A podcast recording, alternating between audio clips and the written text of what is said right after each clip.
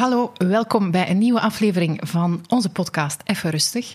Vandaag verwelkom ik samen met mijn co-host Chloe Steve Rousseau, ondernemer, liefhebber van de zee, ondertussen ook voorzitter van basketbalclub Kortrijk. Voor de meesten denk ik gekend als CEO van House of Talents. Ook nog eens vader van Siebe, Emma, partner van Els. Heel veel dingen, maar voor mij het allerbelangrijkste, mijn allereerste baas. Ik ben Karen, bezieler en zaakvoerder van First Floor. First Floor is er om jong, veelbelovend talent in HR en marketing de best mogelijke start van hun carrière te geven. We geloven daarbij dat enkel talent hebben niet genoeg is. Dat vraagt, net zoals topsport, investering. We doen dit door uitdagende projecten bij onze klanten, gecombineerd met een uitgebreid coachingsite. Op die manier willen we niet alleen gelukkige professionals klaarstomen, maar ook toekomstige leiders die verantwoordelijkheid durven nemen voor hun job, hun bedrijf en zichzelf. Met deze podcast brengen we jou eerlijke verhalen van inspirerende, ervaren professionals die ons een blik gunnen in de mens achter de carrière. Ik ben uw gastvrouw en word telkens bijgestaan door een van onze jonge talenten die zo aan het begin van hun professioneel avontuur al hun nieuwsgierige vragen loslaten op die ervaren rotten. Wie weet leren ze nog iets van elkaar. Veel kijk- of luisterplezier en welkom bij Even Rustig.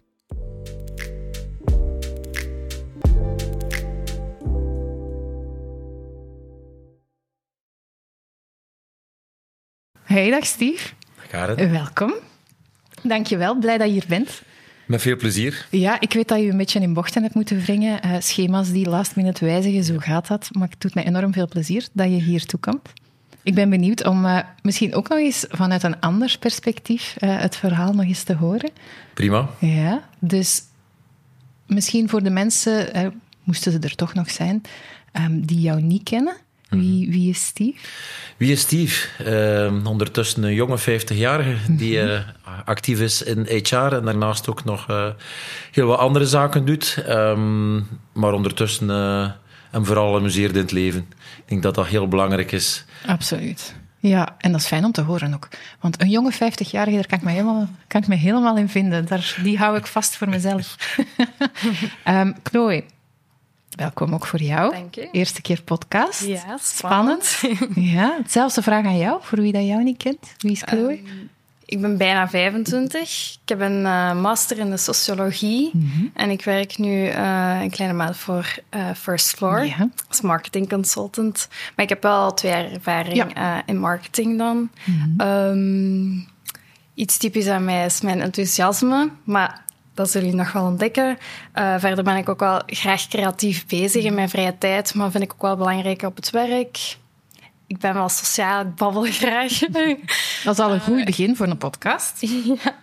Dus um, ja, ik ben eigenlijk benieuwd naar ons gesprek uh, van nu eigenlijk. Ja, ja, had je op voorhand al iets bepaald dat je zegt van god, dat wil ik zeker vragen? Of, of wist je al wie Steve was? Of heb je het... Ja, eigenlijk wel al voorbij zien komen op LinkedIn en zo. Um, ik ben vooral benieuwd naar ja, hebt u het gevoel gehad dat je altijd al een ondernemer was? Mm. Of is dat gaandeweg zo gekomen? Zo, daar ben ik wel ja. naar, naar zo dat verloop van altijd al een bepaald doel gehad waar dat je naar hebt gestreefd? Mm. Of kwam dat met de jaren van, oh ja, naar daar wil ik eigenlijk toe gaan? Zo. Daar gaan we dus zeker op moeten doen. maar uh, we beginnen altijd bij het begin.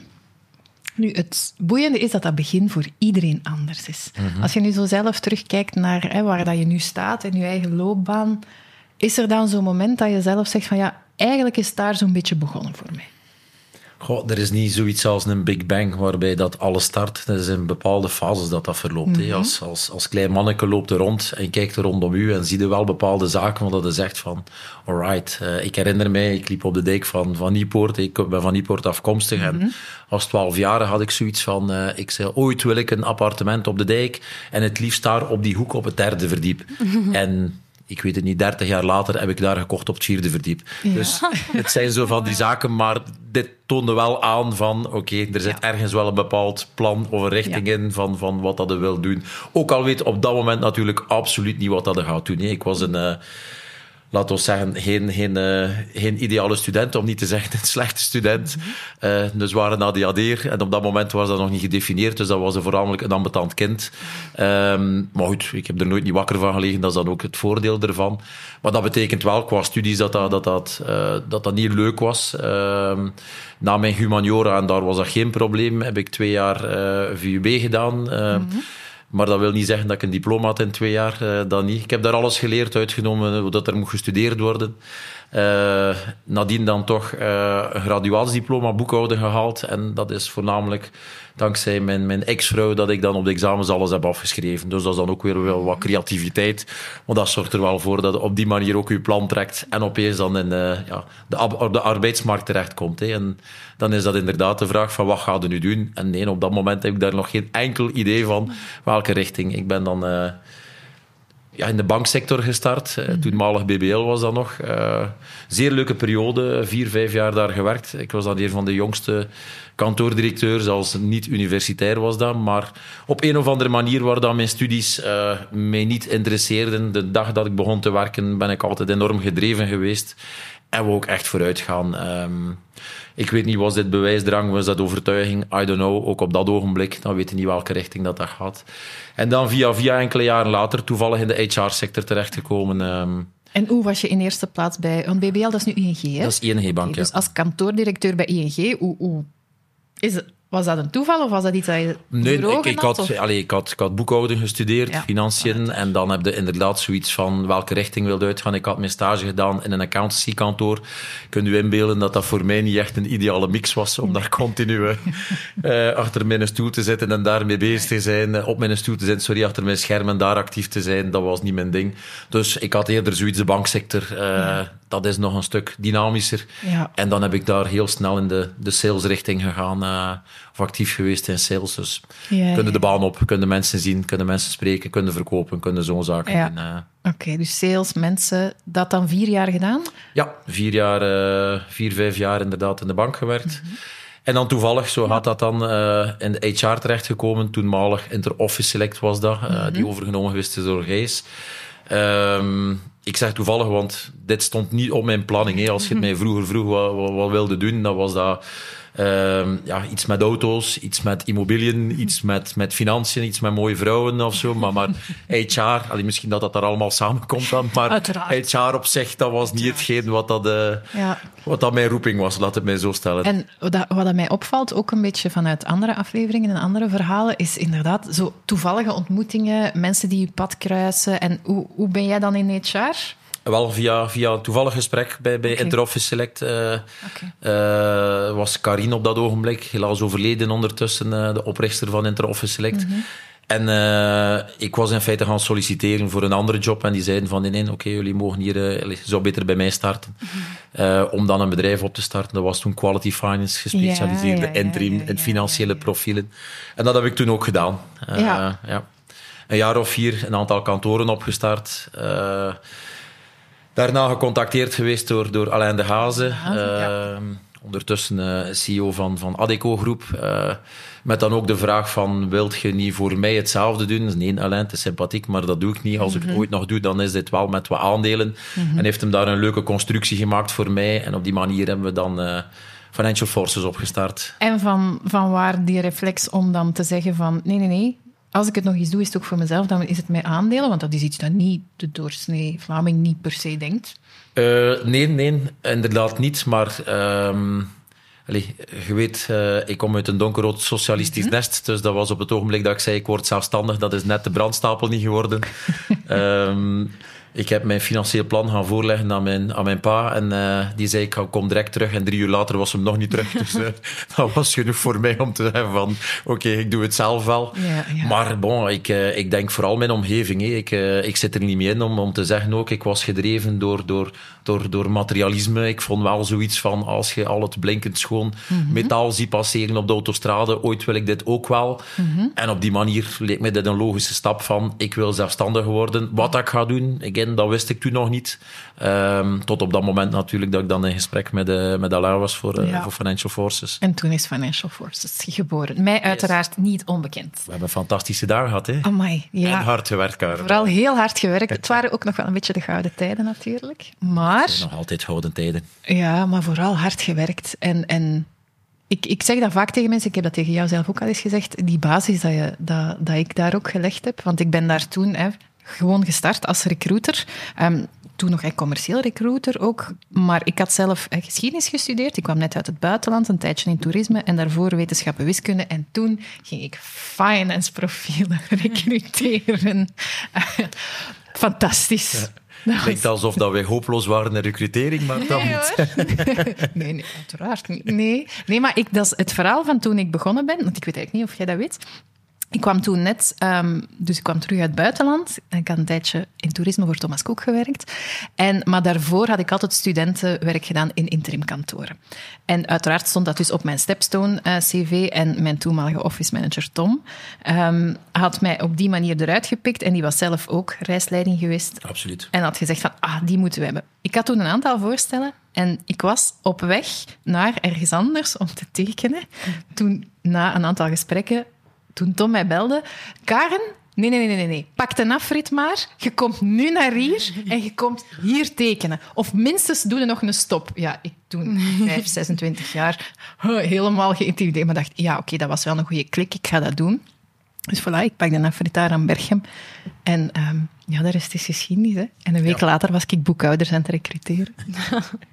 Fantastisch. Mooi. Ja, mooi. Absoluut. Echt fantastisch. Ik heb daar ehm, niet alleen het vak, maar ook de liefde voor het vak geleerd. En dat, eh, dat waren inderdaad gouden tijden. Hoe was dat voor jou, eerste bedrijf? Want hoe oud was je toen? Eh, hoe oud was ik? Oei, eh, dan moet ik even heel snel rekenen. Dat was in 2003. begin ja, 30 of zo? 2003, dus dat zal 31 geweest zijn. Ja. Ja, 31. Ja. Ja. hoe was dat? Ehm, jong en onbezonnen. Als je dat nadien bekijkt, wat dat we toen gedaan hebben ook, dat is op, op drie maanden tijd hebben we drie kantoren opgestart, hebben we onmiddellijk eh, zes, zeven man aangeworven intern. Ehm dat is echt, ja, bon, je hebt een bepaald, bepaald idee en we gaan ervoor. En wij denken niet aan de gevaren, maar vooral aan de opportuniteiten. Ja. Let's go crazy. En dat is hetgeen wat we ook gedaan hebben. Ja, hè. ja, ja, We hebben fantastische zaken gerealiseerd. Ja. Maar ja, Zonder ervaring in feite, of weinig Ja, ervaring. vond je dat niet spannend? Ja, maar ik heb, ik heb het voordeel dat, dat ik op een of andere manier zo'n knopje in mijn hoofd heb die dat kan uitschakelen. Is dat spannend? Ja. Maar dat is dan precies wel wat spannender als je x aantal jaar nadien een keer terugkijkt, dat je zegt van, verdorie, welke jump heb jij daar gemaakt? En, en dat is dan echt wel zoiets van, eh, oké, maar nu om te zeggen van, dat ik het bij de opstart spannend vond, ongetwijfeld wel, maar het is vooral nadien eh, bijgebleven van, oei, wat hebben we hier nu gedaan allemaal? Ja. Ja, Leef je dan zo eerder in een rush dat je dat niet beseft of zo? Goh, ik, ik, eh, ja, waarschijnlijk wel. Hè. Het is een rush waarin dat er zit. Het is, het is een soort van, van druk waarin dat er zit. En, en het is gewoon fun. Dat is hetgeen wat ik altijd zeg. En mensen die met mij gewerkt hebben, weten dat. Dat is heel belangrijk. Hè. Als mensen gelukkig zijn in hun job, dan kun je, dan kun je, dan kun je, ja, dan, dan kun je bergen verzetten in feite. En, en als je dit hebt als DNA in je bedrijf, dan, dan zijn je goed bezig. En de rest, ja oké, het is geschiedenis, het is waar, maar het is wel een zeer mooie geschiedenis geworden eh, met ons bedrijf. Ja, want de fun kan ik absoluut wel bevestigen. Natuurlijk, omdat ja, ik was toen zelf ook nog hè, in de twintig. Dat is de periode dat je nog elke keer op vrijdag met de collega's op stap gaat en nog goed gaat feesten en vieren. En, maar er werd ook inderdaad ontzettend hard gewerkt. Die targets, die... En, ja, dat We was waren enorm. KPI-driven, nee, Ja. dan al, hè, op Ja. dat ogenblik, waarbij dat wekelijks de mensen werden eh, Ja. Gemotiveerd, ik zal niet zeggen geëvalueerd, gemotiveerd door, door eh, even te checken hoe dat het stond ten opzichte van hun eh, van ja, de benchmark, ten opzichte van, hun- van hun resultaten, ten opzichte van de benchmarks, eh, balance scorecards en zo verder. Ja. Maar allee, ik, ik moet eerlijk zijn, ik ben er niet meer in geslaagd in andere bedrijven dat ik nadien nog gehaald heb om eenzelfde rendabiliteit te scoren als wat dat we toen gedaan hebben met, Mm. de, met de financial forces. En wat het mooiste is, Steve, wat je nu zegt, wij waren enorm KPI-driven. Dat is mij niet bijgebleven. Weet je niet meer hoeveel starters dat je moest hebben? Jawel, 12, 12 voor een kwartaal. Dus dat weet je nog. 12 starters per kwartaal, dat, moet, dat, dat weet ik nog wel. Ja. Correct. Ja. Maar als iemand aan mij vraagt van hoe was het bij Financial Forces, is dat... Het is omdat je het mij nu vraagt dat ik het mij herinner. Maar dat, het is wel zo, ah, er werd hard gewerkt. Wij, wij, dat was gaan, gaan, gaan, bellen, bellen, bellen. Maar vooral inderdaad die fun en die trots. Ik herinner mij nog dat we voor elke starter een fles champagne kregen. Ja.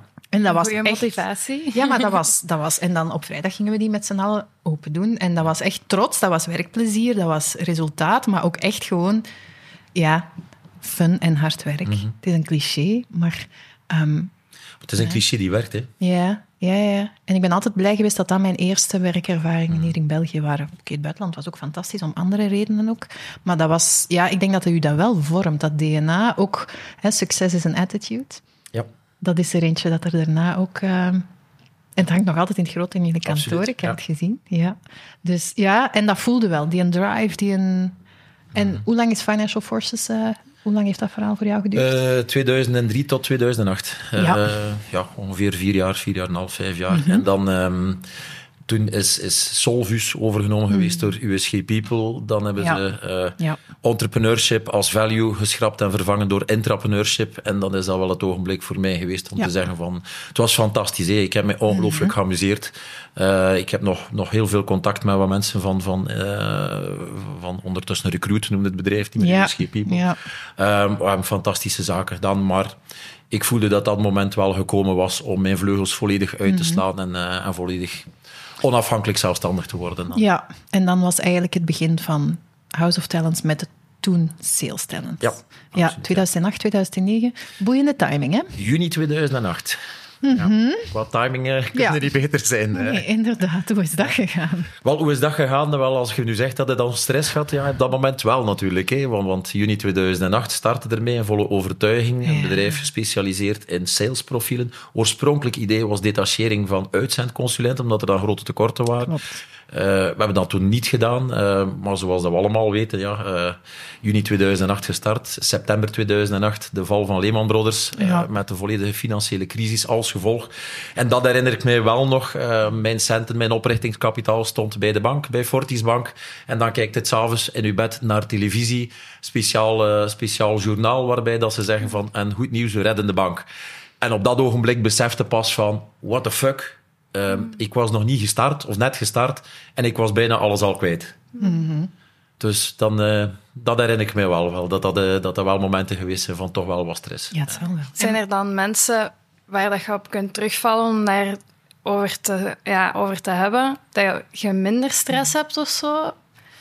Goh, ehm, niet meer specifiek hoor. Op dat ogenblik, eh, ik had voornamelijk dan de, de, de entourage van mijn collega's, waarin dat wij geloofden in het project waarmee dat wij bezig waren. eh. Ja. Maar ook daar weer heb ik zo de, het geluk dat ik, dat ik zo'n zaken heel goed kan, kan gaan aflijnen en ervoor zorgen dat dit niet eh, mij verlamt of om, om andere zaken te doen. Ik denk dat het ook wel noodzakelijk is hè, als ondernemer, dat je af en toe die knop kunt omdraaien of je wordt gek.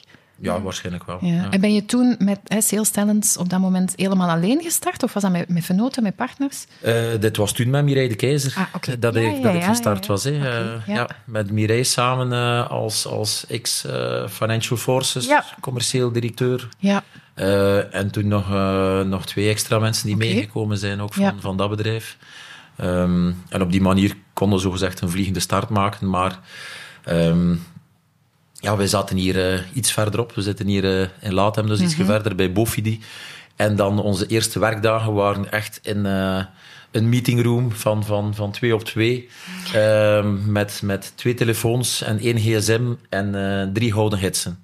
En op die manier zijn wij gestart. Ja. Ja. ja. En voelde dat dan op dat moment niet voor jou was terug naar af? Of juist opnieuw? Nee, voor mij was dat terug naar af en dan miste wel wat complexiteit. Hè, want je hebt ondertussen toch wel een serieuze organisatie Ja, aangestuurd. Financial Forces was dan zowel Ja. in België, Nederland, eh, sorry, België, Frankrijk en Luxemburg zelf hadden we een afdeling ook. Dus eh, dan, kom de, dan je opnieuw fully Ja. from scratch. En dat is even wel eh, Ja. moeilijk. Ja, Eh, daarom dat ik het ja, vraag. Het is echt wel eh, terug uitdagend om Ja. op die manier te doen. Want ik heb natuurlijk nog het stukje... Hè, het tot waar dat je hè, bij Financial Forces vertrokken bent. En dat was inderdaad een heel stevige organisatie op dat moment. Dus als ik dan hoor twee op twee met de gouden gidsen, dat is echt terug. Ja, dat was even... eh Ja. reculer pour mieux sauter. Dat is, eh, dat is plat entrepreneurship, hè, als je zo'n zaken doet. eh. En dan nog eens die crisis erbovenop. Ja. En hoe is dat dan gegaan? Eh, hoe is dat gegaan? Wij hadden het voordeel dat ehm, allee, dat we het bedrijf op een financieel gezonde manier opgestart hebben, dat er daar geen schuld op zat en zo verder.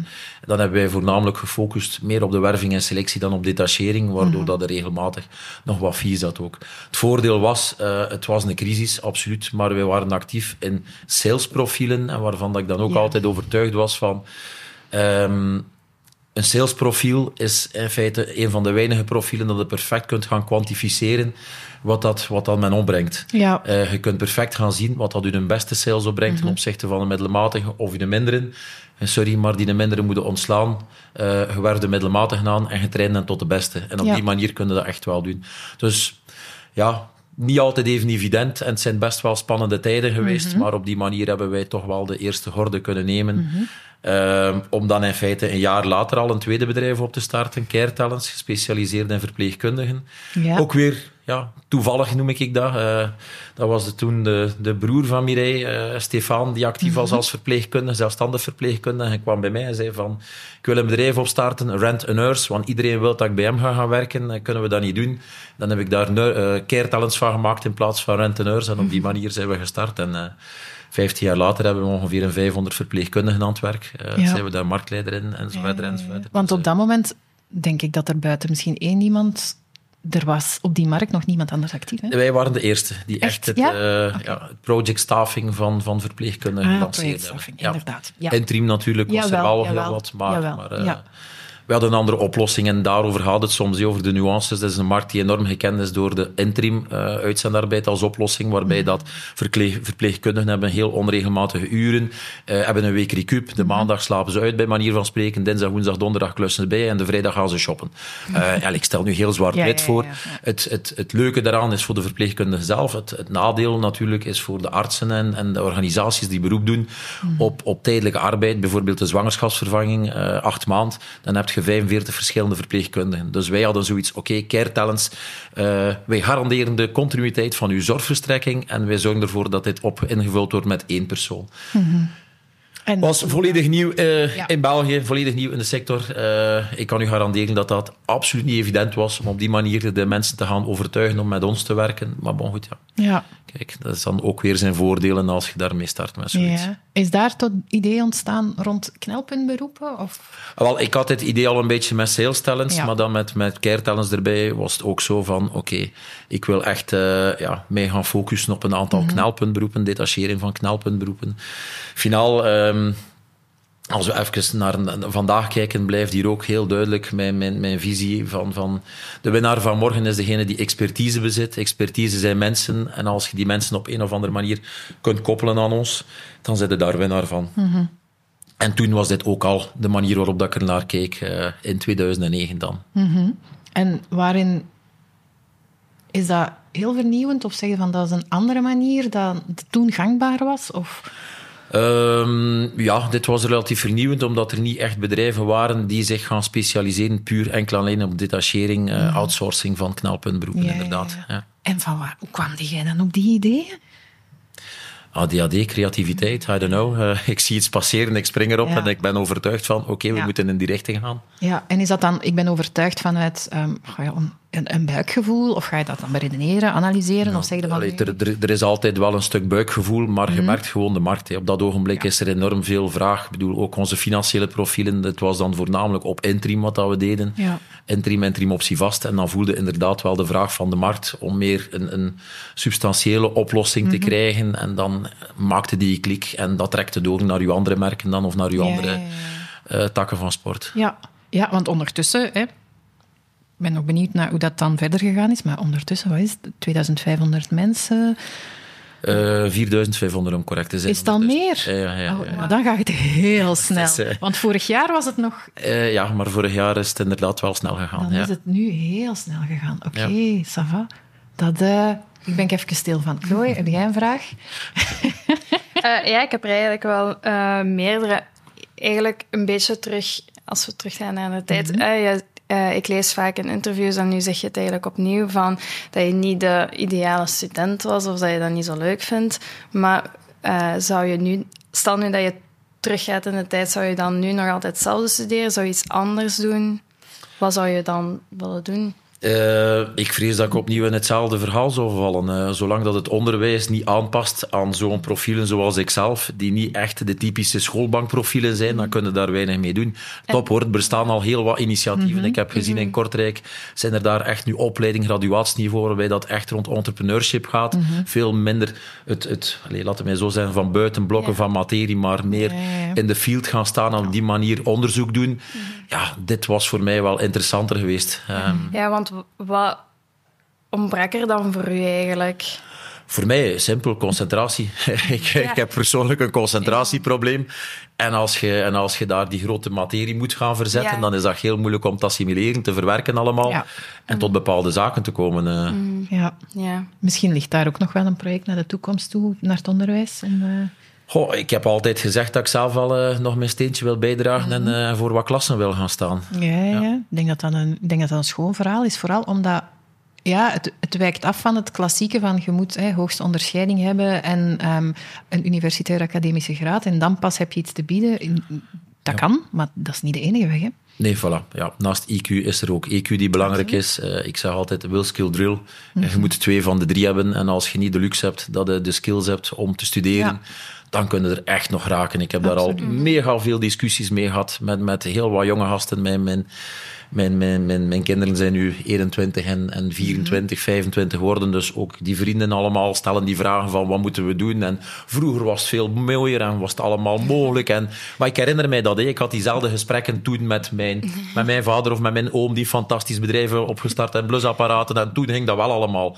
Maar bon, kijk... Uh, nu, wij hebben het ook gedaan. En trust me, na ons, de volgende generatie, zullen er echt nog heel veel succesvolle ondernemers zijn die van from scratch starten. Ja, ja, ja. En dit, dit moeten niet allemaal AI-specialisten zijn. Hè. Dit kunnen perfect opnieuw loodgieters zijn, elektriciëns, whatever mm. allemaal. Er is voldoende vraag op de markt naar, uh, ja, naar goede profiel, naar ondernemers. Er is daar ruimte voor. Ja, ja iemand die gewoon de, het wilt vastpakken en er iets mee doen. Hè? Wat het ook is. Absoluut, absoluut. En dat is hetgeen wat ik denk dat in het onderwijs nog veel meer gepromoot mm. moet worden. Uh, dat mensen durven, dat mensen aangemoedigd worden om, om risico's te nemen, om, om vooral om hun dromen na te streven en naar die, naar, naar die uh, ja, om er, om er alles aan te doen wat dat kunnen. Nee, het is hetgeen wat we altijd zeggen. Nee, in de States starten ze op, in, uh, in de garages. We kennen allemaal de verhalen natuurlijk van, van de ja. Apples en zo verder. En als hierop start, ja bon, dan is dat natuurlijk al worden echt al ja, mhm. op voorhand scheef bekeken van, van uh, als het u lukt, is het logisch. Als het u mislukt, we hebben het altijd gezegd dat Rousseau ging falen. Ja, bon, zo simpel is dat. He. Qua mentaliteit vrees ik in België dan in het algemeen dat we daar nog iets kunnen aan gaan. Uh, en zeker wat dat stukje falen betreft, want dat is iets... Um ja, ten eerste vind ik nog altijd dat dat hier weinig of niet getolereerd wordt, terwijl dat zo noodzakelijk is voor eenders waar dat je wil komen. Maar ook vanuit het onderwijs hè, wordt dat eigenlijk niet... Er, ik merk dat heel veel, ook bij de, hè, de mensen die bij ons starten. Ja, die eerste dingen dat je niet kan, of die eerste zaken waar dat je tegenaan loopt, dat je het niet weet en nog niet kunt, dat, dat is zo'n berg. Terwijl, ja, dat is toch kei normaal als je begint dat je nog niet veel kunt. Maar blijkbaar wordt er in het onderwijs een beeld geschept van je hebt dat diploma en nu kunt je het dan allemaal maar het is, het is, het is duidelijk zoals dat het zegt. Hè. Er, er, er, het wordt niet toegestaan om te falen. Nee, want als je faalt, dan heb je geen diploma. En als je geen diploma hebt, dan raakt het er niet in het leven. Nee. Dit is uh, heel simpel wat dat er gesteld ja, wordt. Ja, ja, dat klopt. Dus die faalangst wordt daar al ingepland. Absoluut. In plaats van mensen te motiveren ja. om, om, om stappen te zetten, stappen te zetten in het onbekende, om ja, zotte dingen om te risico's te nemen. Om risico's te nemen, ja. ja. Nee, helemaal mee eens. Dus Steve, ik vind dat daar nog een project voor u weg ligt. Ja, ja. One day. Dan ja. uh, bel ik u uh, en dan laat ik u komen voor de les om dat wat te vertellen. Ook. Ja, dat is goed. ik doe mee. Ik doe mee. Dus we waren beland bij Care Talents. Hè. Dus een jaar na de crisis is Care Talents erbij gekomen, Sales Talents. Hè. Hoe ben je van de twee op twee en de Gouden Gidsen verder... Uh... Ja, um, u omringen met de juiste mensen. En dat was nu nou wel iets waar dat wij bepaald oog op hebben, hè, over dat wij goed in waren. Hè. Wij waren niet op zoek naar de mensen, en nog altijd niet, die echt uit de boekjes komen met de perfecte ervaring. Zoals dat we net gezegd hebben, de Tom kwam uit eh, uit toerisme. Ik vond dat machtig. Hè. Dat was een ongelooflijk sociale gast. Die was net geen propper geweest. Maar als hem eraan begon, dat hebben we net gehoord ook. Ja, Karen heeft een afrit gepakt en teruggekeerd. hè. Ja, ja, ja, Vandaar ook absoluut. mensen die ervaring in toerisme hebben. Nu ook nog bij ons, hè, in, in, in House of Talents. Heel wat mensen met een HR-director daar ook. Mhm. Ook uit, uit die sector. En, en dat zijn prachtige profielen. Dat, dat zijn mensen die net op een heel andere manier gevormd geweest zijn daar. En dat was net hetzelfde met. Service. Dat is service, dat is de diensten staan van, maar dat is vooral ook heel veel creativiteit. Ja. Buiten de lijntjes kleuren, zou ik zeggen ook en zo. Maar dit is wat dat, dit is wat dat Ja. moet doen. Hè. Ja, ja, en, absoluut. en, ja, bon, dit zijn echt de fundamentals van ons succes. Is u omringen met de juiste mensen Mhm. en ervoor zeggen, zorgen dat de juiste mensen de juiste dingen doen. Dat ze gemotiveerd zijn, dat ze geenthousiasmeerd worden, geïnspireerd. En dan gaan ze door de muur. Ja, nee, dat klopt. Kan ik alleen maar bevestigen. Ik heb zelf een zwak voor mensen die ofwel iets uit het toerisme, uiteraard, maar ook horeca bijvoorbeeld. Absoluut. Ja. Dat zijn de mensen die weten hoe dat je sociaal moet zijn, hoe dat je ook weer dat dienstverlenende, maar tegelijk ook keihard kunnen werken. En gewoon weten van, oké, het, gaat niet gewoon vanzelf gebeuren als ik een uur naar mijn scherm zit te staren. Ehm, en dat sociaal contact, eh, ja, nee, eens. Dus care talents, een aantal goede mensen. En wat, wat is er daarna dan financial? Eh, dan hebben we HR Talents. Dat was eerst een kleine overname van Hamma HR Consulting. Was dat Ja, al gedaan? En Van daaruit ja. hebben we dan HR Talents opgestart. Ja. En hebben we officieel ook House of Talents erboven gezet. En dan is echt het idee gestart van oké, we gaan een aantal verticals in de markt zetten. Ieder bedrijf afzonderlijk als specialist. Toen ik ooit Sales Talents opgestart heb, was dat ook al vanuit het principe wij moeten focus leggen op de specialisatie. Mhm. Dus eh, je hebt eh, bijvoorbeeld een Randstad Finance, een Adico Finance, waarbij dat je daar Ja. iedere keer de, de, de focus hebt op het bedrijf in plaats van specialisatie. Ik heb het omgekeerd gezegd, sales talents, care talents, Ja. HR, waarbij dat continu daarover gaat. Ja, dat, dat wist ik niet. Daar is echt Ja. over nagedacht. Ja, ja, dat, kun je niet, dat hadden niet gedacht van mij, maar, soms nee, wordt dat er ook over niet. nagedacht. Dat zeg ik niet, maar over dat wist ik zaken. Ja, ja, nee, nee, dat, dit was echt de, de. Dat was echt de motivatie om op die manier... Ja, expertise. en eh, en, eh, het is simpel, in de markt, je moet gaan kijken naar je stakeholders en daar moet het verschil maken op Mhm. Ja. het niveau van alle stakeholders. En dat zijn op dat ogenblik uw klanten, uw kandidaten. Mhm. Eh, en, en vandaar, hoe meer dat u focust op die specialisatie, hoe meer dat je daar het onderscheid kunt gaan maken. Ja, ja, helemaal eens. En hoe was het ondertussen met jou? Want Bij mij heel moeilijk, eh, want we zijn ondertussen, laten we zeggen, 2014, eh zijn een jaar of eh, vier, vijf bezig. Mhm. Ja. We hebben de financiële crisis gehad. Na de financiële crisis in 2011 hebben we de eurocrisis, de, de, de PIX-landen en zo verder. Dus is er daar weer de volgende crisis waarin dat het tuimelt. waarbij dat het toch altijd hetzelfde ziet van ehm, het eerste wat dat men doet in crisissen, dat is kijken, al toch op dat ogenblik, is besparen op personeel, is Ja. besparen op marketing, is besparen op opleidingen en zo verder. En dan zijn we weer vertrokken. Hè. Het laatste wat dat men nodig heeft, zijn medewerkers. En wat doen wij net? Medewerkers gaan zoeken. Maar ook daar ja, hebben wij het voordeel gehad van onze niche-strategie, van Mhm. onze specialisatie. En hebben wij op die manier kunnen groeien. Maar eh, allee, na vier jaar was dat wel, vier, vijf jaar was dat wel moeilijk voor mij. Omdat ik, ik ben iemand die graag keihard werkt. En, en dat, dat, dat is echt wel belangrijk. Maar ik haal energie uit succes. En succes, dat definieerde ook op een, bepaald, op een bepaalde manier. En dat schapt ook bepaalde verwachtingen. En als dat succes wat minder is dan hetgeen wat dat je vooropgesteld hebt, dan wordt dat wel moeilijk voor iemand zoals mij. En wa- wa- hoe definieer jij Ja. succes voor jezelf? Oh ja, hoe definieer ik succes? Dat is simpel. Dat is op basis van bottomline, van cijfers, Ja. van omzet, van aantal medewerkers, van EBITDA, van vooruitgang, groei. Dat is geen wat ik belangrijk vind op dat ogenblik. Ja, ja, ja. Dat zijn mijn ja, Pappenheimers, dat zijn mijn... Ja, Ja. En toen, op dat moment, was dat er niet in de mate dat je voor ogen had gehad? nee, het was dit- er wel, maar niet zo... Voilà, ja. Ik, ik heb natuurlijk... Allee, wij, wij, komen, wij kwamen van, van vier jaar eh, hoogconjunctuur met een financial Mhm. forces, waarbij dat wij toen eh, allee, bon, from scratch in vier jaar tijd Ja. eh 3 miljoen en half EBITDA draaiden, dat weet ik nog zelfs. En dan zitten vier jaar later eh, en dan zitten op 1 miljoen. Ja, let op, dat is nog altijd mooi, Dat is- maar, zeggen, eh, maar dat is natuurlijk niet hetgeen wat dat je in je hoofd hebt, omdat je zelf zoiets hebt van we hebben financial forces gedaan. Mhm. Het was fantastisch, maar we hebben het nu geleerd hoe dat we het moeten doen. We gaan het nu een keer te goed doen. Ja, ja, ja. En vier jaar later is dat natuurlijk wel, wel wat moeilijker. eh, maar bon, goed, markt zit tegen en, en dan was dat wat moeilijk, ja. En wat, heb, wat, had jij, wat heeft jou geholpen om op dat moment toch weer ja, gewoon te blijven gaan? Wat, wat motiveert Ehm, nu dan nog? Wel, ik, eh, ik had ondertussen eh, dus wat Mireille was na één jaar uit, uh, uitgestapt. Mm -hmm. en waren er wat, wat alleen men zei altijd fools, friends, family. Dit waren dan de... Het waren, geen, het waren geen friends en het waren geen family. Uh, dus we laten dat over wat dat was. Excuses, Patrick. maar maar allee, ik, ik was zo iemand als ondernemer die zei van, je moet me mijn ding laten doen. Ja. En die mensen deden dat ook. Ja. Maar dan hadden één keer per jaar een meeting met hun um, en dat was het. En dan op een bepaald moment begin je wel aan bloedarmoede te gaan leiden. En je hebt mm. niemand waar dat een keer te raden bij kunt. Of je hebt geen netwerk waarop dat je kunt mm. terugvallen. En dat was wel moeilijk. En dan hebben wij op dat ogenblik uh, in 14... Uh, ja, in december 14 hebben we dan, uh, zijn zij dan uitgestapt en is dan mm. Green Park erin gekomen, een klein private equity vanuit Gent dat heeft wel weer nieuw zuurstof gegeven. We hebben dan uh, een extra bedrijf erbij gehad. Uh, Food Talents, de, de, BTS, de Benoors waren er dan bij. we hebben dan uh, in het jaar 15 onze eerste overname gedaan met ICT Talents. En dan zijn we vertrokken natuurlijk. En dan gaat dat keihard. Dan gaat het van 14 naar 16 doe de maal drie op twee jaar tijd. Ja. Um, en zodanig dat we opnieuw veranderen van aandeelhouders, zodanig dat zij zeggen van oké, okay, het is goed geweest. En we gaan weer overstappen. Dan is een, uh, een Sofendev ingestapt. Hebben we in twee jaar tijd maal vier gedaan. Um, en dan, ja, bon, dan gaat dat heel snel. Hè. Dat zorgt ervoor dan in, in wat was het, december 18 of januari, februari 19 dan Baltis ingestapt in plaats van, van Sofendev. Um, ja. En ondertussen zijn die vier jaar uh, bij ons actief ook. Um, waarbij dat we een heel goede verstandhouding hebben, een PI naast mij. Zij weten van Rousseau, het is een entrepreneur, laat hem zijn ding doen. Mm. Maar wij gaan wel zorgen dat er eventueel het puin geruimd wordt nadat hem gepasseerd is. En dat we vooral gaan structureren en dat we gaan zorgen dat dat allemaal strategisch wat beter onderbouwd is.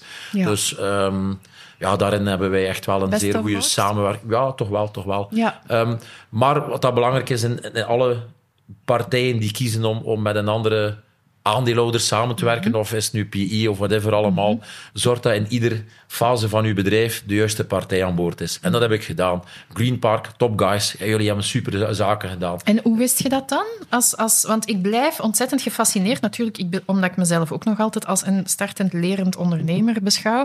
Ik blijf gefascineerd hoe dat jij dan op elk moment die juiste partner één wist te vinden, twee wist wie dat de juiste partner zou zijn voor u, te detecteren. En, en want dat, je gaat er zo heel los over, maar dat is toch niet zo makkelijk? Um, nee, blijkbaar niet. Maar voor mij was dat wel makkelijk. Uh, ik ja. bedoel, Als er ik, iets is dat ik van ondernemers hoor, is dat er op dat vlak heel veel fouten... Ja, wel, dan heb ik kans dat ik een of andere haven heb, als ik het zo mag zeggen. Maar ja. ik... Uh, ik heb enorm, enorm, enorm veel bedrijven gezien of partners, potentiële partners gezien. Ja. En ik ben heel fier om te kunnen zeggen dat ik altijd de juiste genomen heb. Ja. Dat ik altijd de juiste gekozen heb. Dus um, voor alle duidelijkheid, ik heb mij ook laten omringen met mensen, met adviseurs die mij daar ook bij ja. geholpen hebben. Nee, okay. daar moet je, dat mocht je ook niet vergeten. Op zo'n momenten is dat wel belangrijk. Mm -hmm. um, want, want, er zijn altijd wel wat upshaars die, die passeren en waarvan dat je denkt van, oké, okay, why not? Mm -hmm. maar, maar als je omringt met de juiste mensen, dan kom je dat niet tegen. En uh, ja, zeg zowel een Green Park als dan in de volgende fase een, een Sofendef, waarbij dat we mm -hmm. mega stappen gezet hebben. En nu ook met, met, met, de, met een Baltis. Ja. Dat zijn de juiste ja. mensen op, op, op het juiste ogenblik in de verdere ontplooiing van uw organisatie. Ja, ja, ja. En is dat dan iets puur zakelijk of, of is dat dan ook een stukje relationeel? Want ik las ergens hè, dat je schreef van knip mijn vleugels af en ik leg geen eieren niet meer. Dus daar zit toch ook een relationeel aspect in dan? Uh, ja, relationeel, maar, maar dat is hetgeen op het ogenblik dat je uw partner kiest, is dat mm-hmm. belangrijk. Mm-hmm. Uh, ik herinner mij in een, uh, allee, op het moment dat Sofendev ingestapt is, hadden wij 27 non-binding offers. Dus dat waren 27 partijen die geïnteresseerd waren om in te stappen mm-hmm. in dat bedrijf. En dan is dat wel heel belangrijk dat je voor jezelf even goed nadenkt ja. van wie is die partij waarmee dat je verder wilt. Ja. En wie is Steve en wat is zijn organisatie, wat is het DNA van de organisatie, House of Talents op dat ogenblik. En daarover gaat het, hè. DNA-match. En alles wat dat het doet. Is het nu bij het aanwerven van medewerkers? Is het in het overname van bedrijven? Is het in zelf op zoek gaan naar een nieuwe, uh, nieuwe investeerder? Dat is, dat is echt wel het belangrijkste voor mij daarin. En hoe hou jij in een bedrijf van ondertussen 4500 mensen dat DNA levend? Um, ja, door mij, uh, door mij te omringen met de juiste mensen. Um, mm. Ik heb de luxe dat ik het bedrijf opgestart heb from scratch en dat je op die manier kunt gaan bouwen. Um, en gebouwd met mensen die eenzelfde visie hebben, die je geloven en die ook op die manier uh, mm. het, het geloof verder verspreiden, laat het ja, ons zo gaan ja, vertellen. Uh, ja. En, en, en dat is belangrijk in uw organische groei, want wij hebben een ongelooflijk stevige organische groei gerealiseerd in, in al die jaren. Uh, en daarnaast hebben wij natuurlijk, zijn we ook actief geweest op M&A, overnames. En daar is net hetzelfde, heel belangrijk. Uh, wij zijn niet uh, beursgenoteerd. Ik lig niet wakker van de omzet dat ik heb en allemaal. Uh, ooit Bewuste keuze?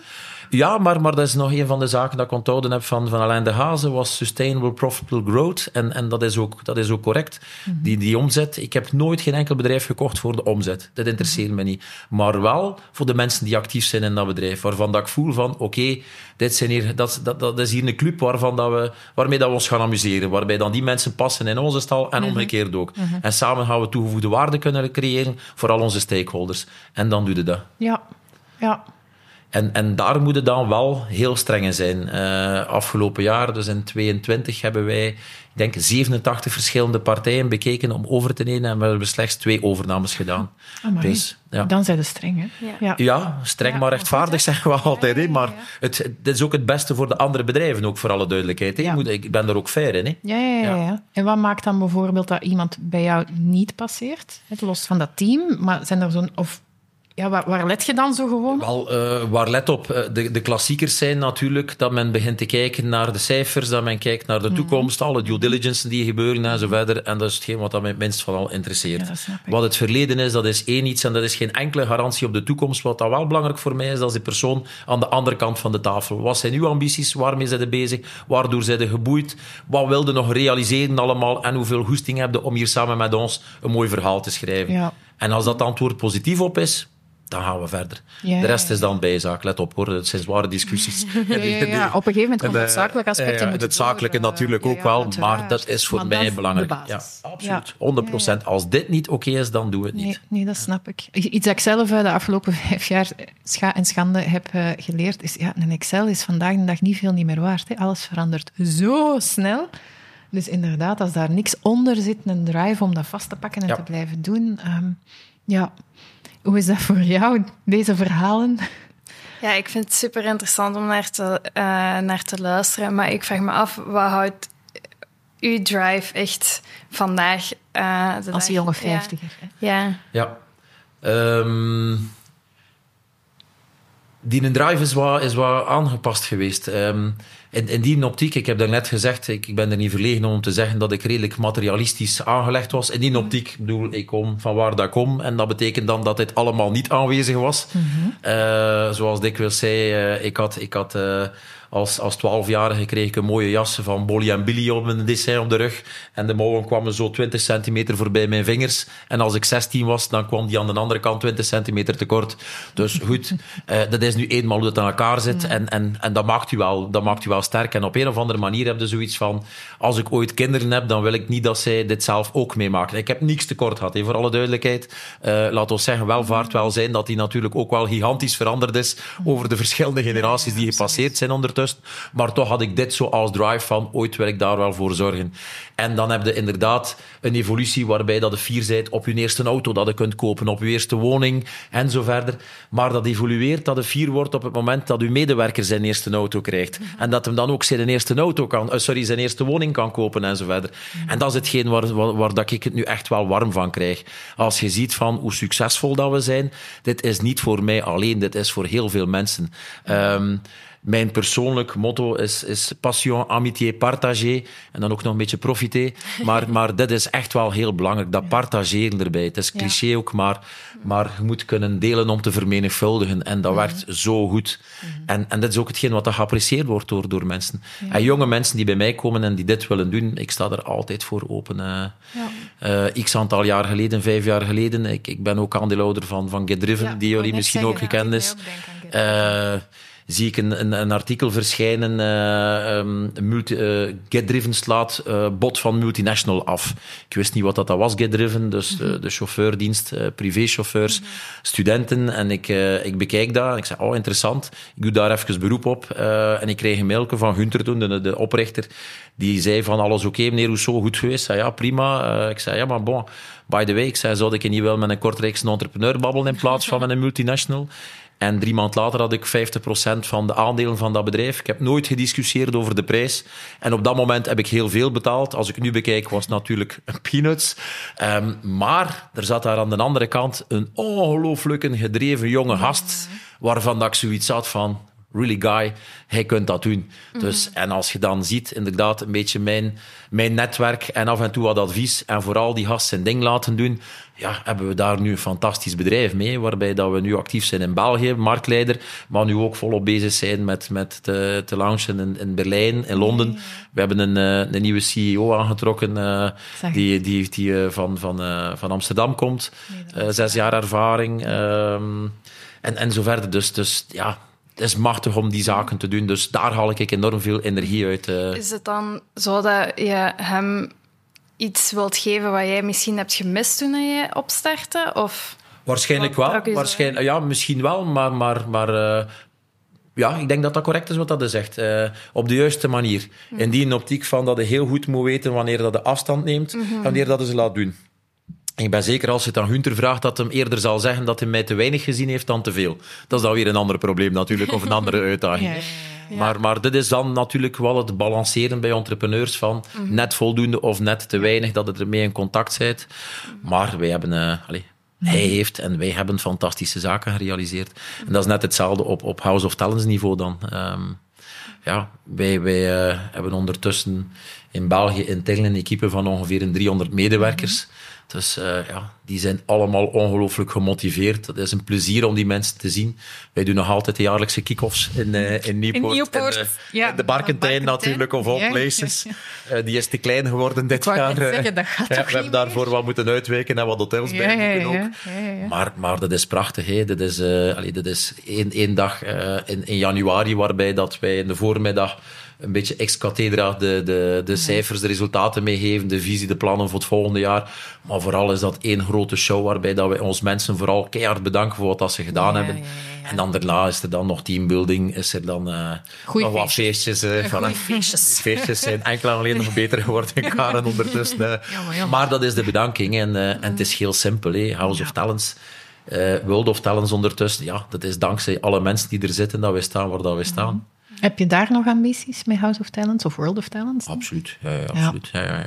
Ja, We zijn nu actief, dus vorig jaar, of sorry, in, in uh, eh, 21 dan hebben we uh, voet aan wal in Nederland gezet, hebben wij de Human mhm. Network overgenomen. Mm -hmm. Ook een bedrijf uh, gespecialiseerd in knelpuntberoepen. Uh, we zitten daar ook ongeveer met een 850 medewerkers ondertussen. Mm -hmm. dit jaar gaan we richting 1000 medewerkers in Nederland. We hebben daar uh, vier weken geleden een overname gedaan. Toevallig in financiële profielen, Kijk Pragmatics overgenomen. Als je iemand expert ja. Ja. nodig hebt, ik, ik, heb dat ooit nog gedaan. Gisteren hebben we nog een extra bedrijf overgenomen, EMC, gespecialiseerd in, in, uh, in opleidingen, L&D in, in mm -hmm. Nederland. Um, dus ja, waar dat wij vroeger een House of Talents waren, hebben we nu het World of Talents verhaal. En mijn droomvisie is daarbij van ik wil een pan-Europees netwerk worden van HR-bedrijven gespecialiseerd in knelpuntberoepen en talentmanagement. Ja. Dus vandaar dat wij nu ook volop, volop actief zijn in Duitsland, uh, Zwitserland, Oostenrijk, mm -hmm. de Nordics aan het bekijken, Frankrijk, om daar hetzelfde te zetten. Uh. Ja, nu HR is zeker de laatste jaren hè, met de war for talent ik hou niet van die term, um, de arbeidsmarkt in brand, ja, is HR plotseling een heel topic geworden. Hè? Heb jij dat heel hard zien veranderen? Of, of voelen jullie dat dat nu anders is dan, dan pakweg tien jaar geleden? Ja, ik denk dat corona daar wel weer een fantastische impact op gehad heeft, op een positieve manier. Ik bedoel mhm. dan, uh, wat, wat, heeft men... Allez, sowieso hebben we allez, demografisch gegeven de laatste ja, ja, ja. tien jaar, waarbij dat er meer uitstroom dan instroom is. Um, dus dat is, dat is duidelijk. Je komt op een bepaald moment met een mathematisch probleem mm -hmm. te zitten dat er tekort aan talent mm -hmm. is. Um, maar wat zie je dan? Tijdens corona zijn er toch een aantal bedrijven die... Uh, bewust of onbewust uh, mensen ontslaan hebben. Uh, en die hebben natuurlijk post-corona hebben zij een groot stuk gemist. Er waren heel wat bedrijven die hun doelstelling niet gerealiseerd hebben, omdat zij de mhm. mensen niet vonden op dat ogenblik. Mm -hmm. En dat merkte nu met de energiecrisis ten gevolge van mm -hmm. dat bedrijven veel minder snel overgaan tot ontslag, ja. maar dat ze er alles aan doen wat dat ze kunnen om hun talenten in huis Gelukkig. te houden. Ja. En, en dat is ook echt wel belangrijk. Ik denk dat iedereen weet, moest uh, onze beste vriend Poetin niet uh, zo onnozel gedaan hebben, dan zaten wij nu niet in een energiecrisis of in een crisis of een oorlog, maar zaten wij in een regelrechte arbeidsmarktcrisis, waarbij dat er een ja. heel groot tekort aan talent zou zijn. Ja. Ja, ja, ja. Het eerste is inderdaad iets tijdelijk, maar daaronder structureel. Het is puur structureel. Is. Ja, ja, ja. De, de tekort op de arbeidsmarkt is structureel en zal enkel en alleen nog toenemen. Ja, ja. Dus vandaar dat ik, dat ik blijf orakelen van uh, de winnaar mm -hmm. van morgen is degene die uh, de expertise bezit. Ja. En als wij die op die manier kunnen aan ons binden en delen met onze klanten, mm -hmm. dan kunnen we er allemaal beter van worden. Mm -hmm. En buiten House of Talents, hè, want je vertelde over Get Driven, je bent ondertussen ook hè, voorzitter van het basketbalclub in ja. Kortrijk. Zijn een oude liefde? Ja, een oude liefde, inderdaad. Uh, een jaar of twee geleden kwamen ze van het stadsbestuur vragen naar mij om voorzitter te worden van de basket. Uh, ik dacht ik van, oké, okay, ik heb er echt geen tijd voor. Uh, ik heb gezegd van, oké, okay, het is mooi, ik zal het niet doen in de maandag. En de donderdag vertel ik tegen mijn vrouw van, ja, ik moet nu een keer wat weten. En dan zegt ze, ja, maar waarom doe je dat niet? Dan is dat een keer iets anders. Oké, okay, het is goed, ik ga dat toch doen. Wat ik niet wist, dat is dat dat de, de grootste club van België is, met meer dan 60 ploegen. Uh, dus waarbij dat er meer dan duizend leden zitten en zo verder. Maar fantastisch project. Ja. Uh, dames in eerste klasse, uh, wij zitten nu met de heren in tweede klasse in TDM 1. Wij gaan volgend jaar naar Binext. Ja, zo kenden mij wel natuurlijk. Dat was dan ook de vereiste van, ik wil dit doen, maar met een bepaalde ambitie. Ja. Uh, wij hebben een aantal uh, Kortrijkse ondernemers rondom de basket nu gebetoneerd, uh, die zich geëngageerd hebben, waarbij dat wij echt wel op langere termijn de sport willen gaan promoten, faciliteren in de streek, waarbij dat wij ook kijken om een eigen basketarena te planten, neer te planten en zo verder. Dus ja ja, het is altijd wel ja, iets meer dan dat. voorzitter en af en toe naar de match gaan kijken, dat zat er niet in. Uh, nee, nee, nee, dat zat er niet in. En uh, het rust me als je mij ziet, terwijl dat de wedstrijd daar bezig is. Uh, ik kan nogal emotioneel, sportief, agressief uit de hoek komen, zoals dat in mijn kent wel. Ja, ja, ja, ja.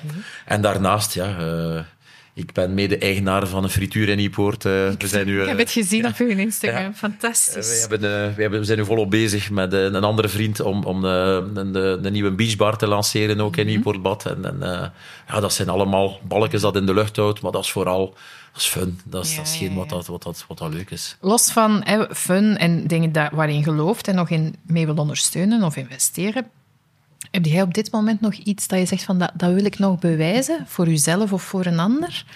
Want ja, er blijft precies niet veel niet meer over, hè? maar ik kan mij vergissen natuurlijk. Nee, um, dat is correct. Hè. Ik heb altijd een ongelooflijke bewijsdrang gehad Ah, ja? ten opzichte van het onderwijs, ten opzichte van hoe, allee, Ja, je hebt- familie, ja, ten opzichte van, van de bank waar dat ik ooit gestart was en zo verder, om aan te tonen van, oké, toen dat ze mij daar vroegen, wat is uw ambitie, zei ik van, ik wil hier zeteldirecteur worden. Ja, dat zal nooit lukken, ventje. Ja, oké, ik begrijp dat ook, hè, maar, maar ik echt zoiets van... eh, Watch me. Wel, ja, bijna een fuck you, maar, maar ik zeg hem dan wel met een big smile, want ik ben heel blij dat ik geen zeteldirecteur geworden ben. Wat ik ook nooit ging kunnen, hoor, voor alle duidelijkheid. Maar dat ik hier nu dit, dit direct gedaan heb. Dus eh, in, in het begin van het gesprek heb ik gezegd, ik wil, ik wil mij amuseren, ik wil mij omringen met mensen die ervoor gaan. En dat is echt wel hetgeen wat, wat, wat aan mij nu, waar dat ik nu mijn drive uithaal. Ja. Maar begrijp ik daaruit dat je voor jezelf nu een stukje rust hebt van ik heb niks meer te bewijzen? Ehm, ja, nee, dat bewijsdrang blijft altijd. Hè, want, want je hebt niks meer te bewijzen. Omdat we nu een fantastisch bedrijf hebben. Wij gaan richting 350 miljoen omzet. Wij gaan richting 50 miljoen EBITDA dit jaar. Maar dan heb ik wel zoiets van... Oké, in de volgende vijf jaar moet ik wel een keer kijken hoe dat we kunnen doorgroeien naar 250 miljoen eh, EBITDA. Dus, dus, eh, Ja. En is dat bewijsdrang? Waarschijnlijk niet. En, en, en mensen die dit horen zullen zeggen, je is weer bezig. Maar... eh, toen dat ik gestart was, waren er veel die zeiden van dat zal nooit lukken, wat gaat hij nu doen? Toen dat op 1 miljoen zit, dan zeggen ze van je zit op je maximum, dan doe je 100 miljoen omzet en zo verder. En nu heb ik zoiets van, oké guys, watch and learn. Ja. Je vertelde daar straks ehm, van daar rond hè, 2014, dan was het even moeilijk. Ehm, zijn er eigenlijk, als je terugkijkt, dingen waar je spijt van hebt? Dat je zegt, achteraf bekeken had ik dat mm, anders moeten doen? Niet echt. Nee, niet echt. En, en dat is een beetje het voordeel van mijn knopje, zoals dat ik zeg, dat ik enorm hard kan relativeren. En ehm, ik heb heel veel leergeld betaald door het gebrek aan universitaire studies bijvoorbeeld. Op het moment dat je begint te praten met PI's, de allereerste keer, beste vrienden Green Park, eh, dan weten dat van, die zijn heel correct, maar ze gaan u ook niet vertellen wat dan de trucken van de voor zijn. En dat leerde uit en dan gaat verder en verder en verder. Herkenbaar. Maar ik heb daar geen enkel probleem mee. Dit is business, dit is hoe dat het gaat, dit is hoe dat vooruit gaat. En ja, ik moest dat geweten hebben, maar bon, ik heb die keuze gemaakt om niet die studies te doen. En ah, ja, misschien de hard way, maar, maar super waar dat we staan. Ik ben enkel Ja, alleen gelukkig met wat dat we gedaan hebben. Waar dat we gerealiseerd hebben, dan kon het beter. Ongetwijfeld wel. Je- Ik kan u zeggen, wij hebben al regelmatig, ja toch wel hoor, we hebben al regelmatig van die heel slimme strategen op bezoek gehad, Mhm. die dan zeggen tegen u van, maar Rousseau, je zit met een probleem. Je hebt u as en rechts is entrepreneurship, links is entrepreneurship en je zit stuk in de middel. Dat gaat niet, je bent mis bezig. En dan heb ik nu zoiets van, oké guys, misschien moeten jullie jullie modellen een keer aanpassen. hè, want ik, eh, in alle bescheidenheid, hoeveel bedrijven zijn erin geslaagd tussen 2008 en 2023 op 15 jaar tijd, zo ontrijk te schrijven in een markt die toch al verdeeld was. Het is niet een volledig nieuwe markt. Het was toch al een heel gesatureerde markt. Dus zoiets Ja. van, misschien pas ik niet in de boekjes. En misschien is dat dan ook wel weer een beetje story of my life. Maar ik vind het dan ook altijd leuk om die mensen te tonen van, kijk, voilà. Ja, en is dat dan een stukje het, eh, het ingrediënt om het gewoon altijd toch gewoon op uw manier te doen? Waarschijnlijk wel. Ja, dat zou goed kunnen. Maar, maar let op hoor, ik hou heel hard eh, rekening met wat mensen mij adviseren. en ik hou heel hard mensen rond. Ja, hey, voilà. Ik, Ja, ik, ja, ja, ik, ja. omring, ik omring mij met mensen die veel slimmer zijn in hun vakdomeinen dan Mhm. hetgeen dat ik zelf ben. Een keer tellens, ik weet niet hoe dat verpleegkundigen werken. Ik heb er enorm veel respect voor. Maar als ik persoonlijk een ziekenhuis binnen ga, dan heb ik het moeilijk. Mhm. Eh, dus dat is mijn ding niet. Eh, ingenieurs, ik ken er niks van. Slagers, ik ben heel goed in het verwerken van vlees, dan voornamelijk van het, van het eten van het vlees, maar al de rest is voor hun. Maar het gaat hem op alle niveaus. Is het dan financial, is Mhm. het sales, is het aansturen van bedrijven? Hire the best and sleep better at night. Dit hangt ook nog altijd uit in mijn bureau. Dit is Ja. heel belangrijk. Dit is, Ja. dat is een belangrijke leuze die bij iedereen zou moeten hangen. Dat iedereen echt wel te harte moet nemen. Ja, ja, ja. Ehm, is er iemand naar wie u opkijkt? Goh, is er iemand... Ja, er zijn heel veel mensen naar wie dat we opkijken. Eh, op, op, allerlei, op allerlei gebieden. eh. ik, ik heb dat zowel van... de Michael Jordan bijvoorbeeld, fantastische basketcarrière, wat dat hem gerealiseerd heeft. Naast dan nog een keer het, het, het commercieel eh, succesverhaal wat dat hem gedaan heeft. Eh, maar als je dan ook eh, een boek leest van, van Nike zelf bijvoorbeeld, ja, van waar dat die mensen komen. Ja, iedereen zegt van zo'n multinational, dat is vanzelfsprekend. Maar het aantal keer dat dit bedrijf op de rand of over de rand van de afgrond gestaan heeft van het faillissement. Chapeau, guys. Dus ik kijk enorm op naar iedere entrepreneur, zowel degenen die geslaagd zijn als die minder geslaagd zijn. Dat ze tenminste het lef gehad hebben om dat te doen. Ja, absoluut. En jij? Is er iemand naar wie dat jij opkijkt? Eh, ja, zeker. Mhm. Ehm, een naam die eigenlijk altijd top of mind is, is Emma Watson eh, voor mij. Ik vind het eh, enorm straf wat zij al heeft gepresteerd in haar carrière. Eh, en dat zij ook haar steentje bijdraagt met eh, gendergelijkheid en zo. En daar kijk ik wel echt naar Ja. eh, op. Ook, zij is voor mij ook heel gedreven. Ehm, Ja, dus het stukje... En gedreven, is dat iets dat... Vind je dat zelf ook belangrijk? Ja, ja, ik ben, als ik dat van mezelf mag zeggen, ben ik dat ook wel. Ik wil er echt wel voor gaan. Ik heb heel veel energie, ik moet die ook kwijt in iets.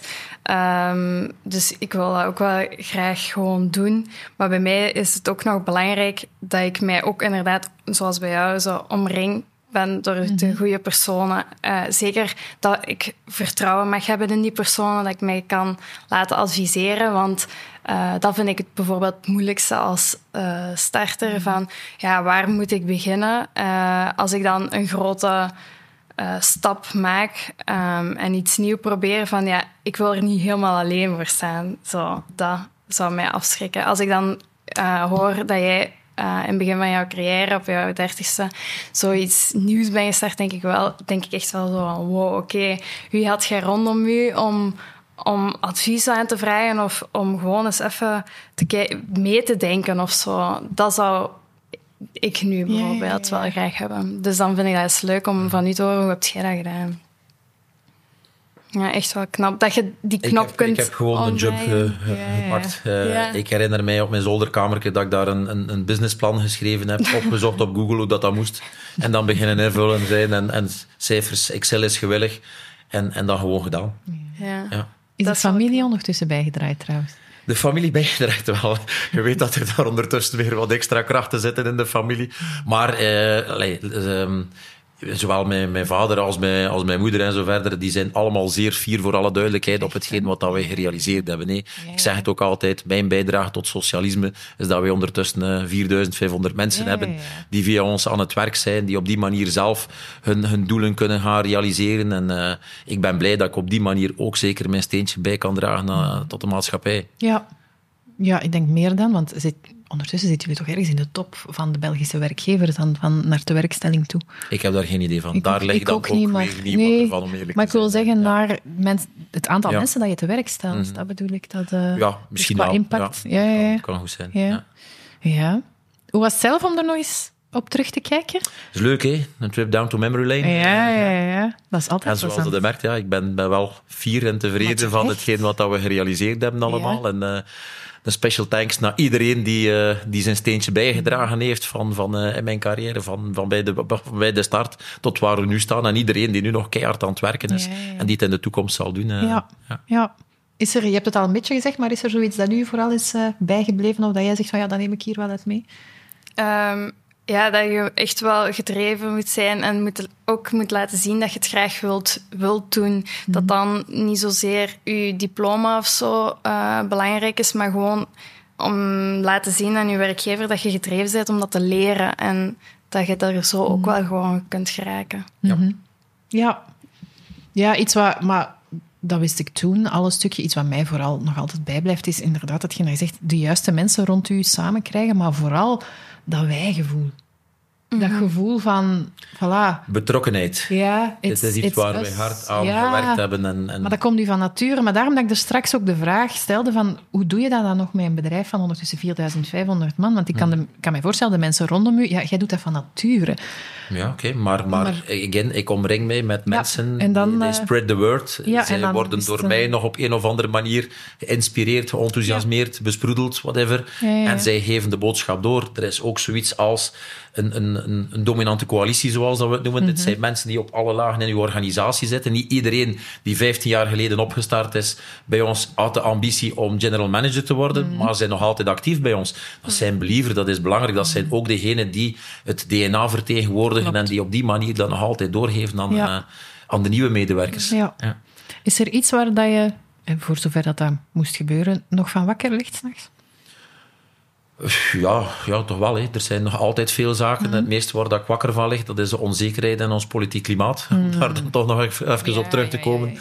We hebben het over fiscaliteit, we hebben het over de veranderende regelwetgeving. Eh, ja, dat is, dat is jammer. Hè. Eh, Het is, dat is de grootste uitdaging. Hè. Dat is jammer hè. in België. Dat is hetgeen wat ik altijd zeg. Eh, je start een voetbalwedstrijd en te midden van de wedstrijd eh, worden de regels veranderd. Mogen die bal niet meer met de voeten, maar zijn verplicht van met de handen te nemen. Dat is wel moeilijk als je op, dat man- op die manier heel je organisatie opgezet hebt. Ja. Ehm, ja, en dat- is hetgeen waar, dat, waar dat ik eh, moeilijkheden mee heb van de Belgische politiek. Eh het is natuurlijk politiek op zich. Het is ook de structuur zoals dat bestaat.